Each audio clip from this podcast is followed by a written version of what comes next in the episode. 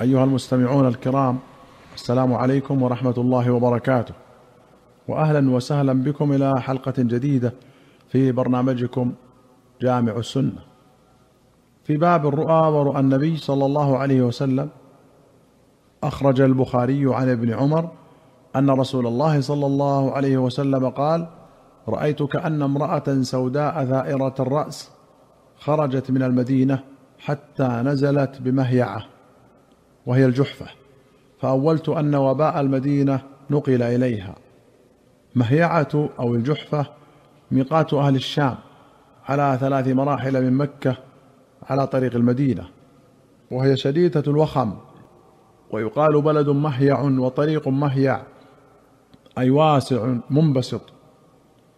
وأخرج مسلم عن أنس قال سمعت رسول الله صلى الله عليه وسلم يقول رأيت الليلة وفي رواية رأيت ذات ليلة فيما يرى النائم كأن في دار عقبة بن رافع فأتينا برطب من رطب بن طاب فأولت أن الرفعة لنا في الدنيا والعاقبة في الآخرة وأن ديننا قد طاب.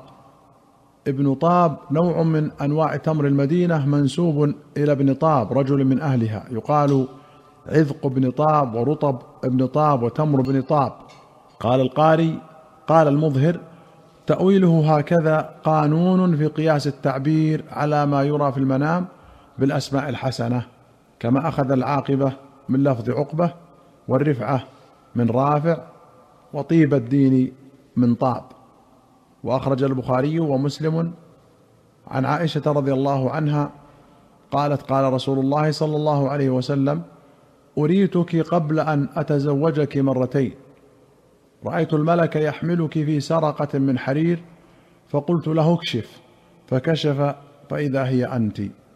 فقلت إن يكن هذا من عند الله يمضه ثم أريتك يحملك في سرقة من حرير فقلت اكشف فكشف فإذا هي أنت. فقلت إن يكن هذا من عند الله يمضه هذه رواية البخاري. ولمسلم قال أريتك في المنام ثلاث ليال.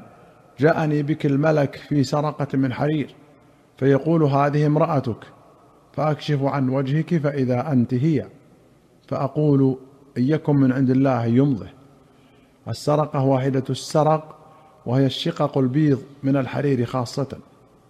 باب ما جاء في الهجر. أخرج البخاري ومسلم عن أبي أيوب رضي الله عنه أن رسول الله صلى الله عليه وسلم قال لا يحل لمسلم أن يهجر أخاه فوق ثلاث ليال. يلتقيان فيعرض هذا ويعرض هذا وفي رواية فيصد هذا ويصد هذا وخيرهما الذي يبدأ بالسلام.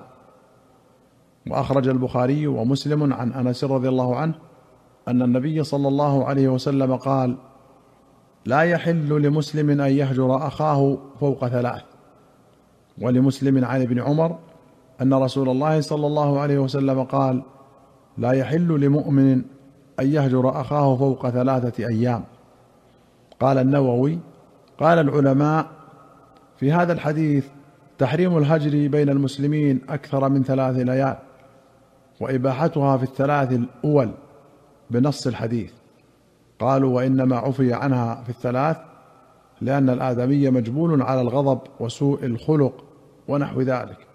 فعفي عن الهجرة في الثلاثة ليذهب ذلك العارض وأخرج مسلم عن أبي هريرة أن رسول الله صلى الله عليه وسلم قال تفتح أبواب الجنة يوم الاثنين ويوم الخميس وفي رواية تعرض الأعمال في كل خميس واثنين فيغفر لكل عبد لا يشرك بالله شيئا إلا رجلا كانت بينه وبين أخيه شحناء. وفي رواية إلا المتهاجرين فيقال أنظروا هذين حتى يصطلحا أنظروا هذين حتى يصطلحا أنظروا هذين حتى يصطلحا وفي رواية اركوا هذين حتى يصطلحا اركوا هذين حتى يصطلحا وفي أخرى اتركوا أو اركوا هذين حتى يفيئا اركوا بهمزة وصل وروي بقطعها أي أخروا يقال ركاه يركوه ركوا إذا أخره. وقوله يفيء أن يرجع إلى الصلح والمودة. وأخرج البخاري عن عوف بن مالك بن الطفيل وهو ابن أخي عائشة زوج النبي صلى الله عليه وسلم لأمها أن عائشة حدثت أن عبد الله بن الزبير قال في بيع أو عطاء أعطته عائشة والله لتنتهين عائشة أو لاحجرن عليها. فقالت أهو قال هذا؟ قالوا نعم. قالت هو لله علي نذر الا أكلم ابن الزبير أبدا. فاستشفع ابن الزبير إليها حين طالت الهجرة. فقالت لا والله لا أشفع فيه أبدا ولا أتحنث إلى نذري. فلما طال ذلك على ابن الزبير كلم المسور بن مخرمة وعبد الرحمن بن الأسود بن عبد يغوث وهما من بني زهرة. وقال لهما أنشدكما بالله لما أدخلتماني على عائشة فإنها لا يحل لها أن تنذر قطيعتي. فأقبل به المسور وعبد الرحمن مشتملين بارديتهما حتى استأذنا على عائشة. فقال السلام عليك ورحمة الله وبركاته أنا ادخل قالت عائشة ادخلوا. قالوا كلنا؟ قالت نعم. ادخلوا كلكم ولا تعلم أن معهما ابن الزبير. فلما دخلوا دخل ابن الزبير الحجاب فاعتنق عائشة وطفق يناشدها ويبكي. وطفق المسور وعبد الرحمن يناشدانها إلا كلمته وقبلت منه. ويقولان إن النبي صلى الله عليه وسلم نهى عما قد علمت من الهجرة فإنه لا يحل لمسلم أن يهجر أخاه فوق ثلاث. فلما أكثروا على عائشة من التذكرة والتحريج طفقت تذكرهما نذرها وتبكي وتقول إني نذرت والنذر شديد. فلم يزالا بها حتى كلمت ابن الزبير. وأعتقت في نذرها ذلك أربعين رقبة. وكانت تذكر نذرها بعد ذلك فتبكي حتى تبل دموعها خمارها. وفي رواية عن عروة بن الزبير قال كان عبد الله بن الزبير أحب البشر إلى عائشة بعد النبي صلى الله عليه وسلم وأبي بكر. وكان أبر الناس بها. وكانت لا تمسك شيئا. فما جاءها من رزق الله تصدقت به.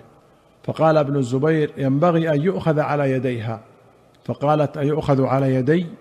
علي نذر إن كلمته. فاستشفع إليها برجال من قريش وبأخوال رسول الله صلى الله عليه وسلم خاصة فامتنعت.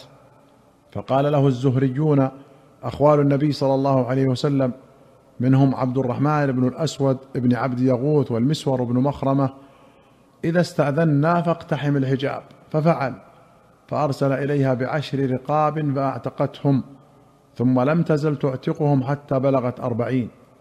فقالت وددت أني جعلت حين حلفت عملا أعمله فأفرغ منه.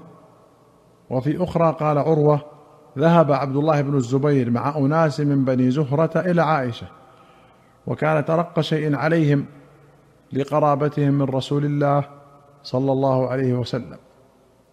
قولها وددت أني جعلت عملا أعمله أي حددت شيئا معينا أفعله لأخرج به من نذري.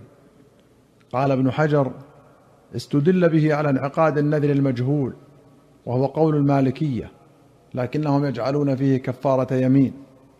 وظاهر قول عائشة وصنيعها أن ذلك لا يكفي وأنه يحمل على أكثر ما يمكن أن ينذر. ويحتمل أن تكون فعلت ذلك تورعا. لتيقن براءة الذمة. وأخرج البخاري ومسلم عن سهل بن سعد قال بلغ رسول الله صلى الله عليه وسلم أن بني عمرو بن عوف بقباء كان بينهم شيء فخرج يصلح بينهم في أناس من أصحابه. وللبخاري أن أهل قباء اقتتلوا حتى تراموا بالحجارة فأخبر رسول الله صلى الله عليه وسلم بذلك فقال اذهبوا بنا نصلح بينهم. وأخرج أحمد والبخاري في الأدب وأبو داود والترمذي وابن حبان والبيهقي في الشعب والبغوي رحمهم الله بسند حسن عن أبي الدرداء رضي الله عنه قال قال رسول الله صلى الله عليه وسلم ألا أخبركم بأفضل من درجة الصلاة والصيام والصدقة؟ قالوا بلى. قال إصلاح ذات البين فإن فساد ذات البين هي الحالقة. زاد الترمذي ويروى عن النبي صلى الله عليه وسلم أنه قال هي الحالقة لا أقول تحلق الشعر ولكن تحلق الدين. قوله الحالقة أي المهلكة المستأصلة. أيها المستمعون الكرام إلى هنا نأتي إلى نهاية هذه الحلقة. حتى نلقاكم في حلقة قادمة إن شاء الله. نستودعكم الله. والسلام عليكم ورحمة الله وبركاته.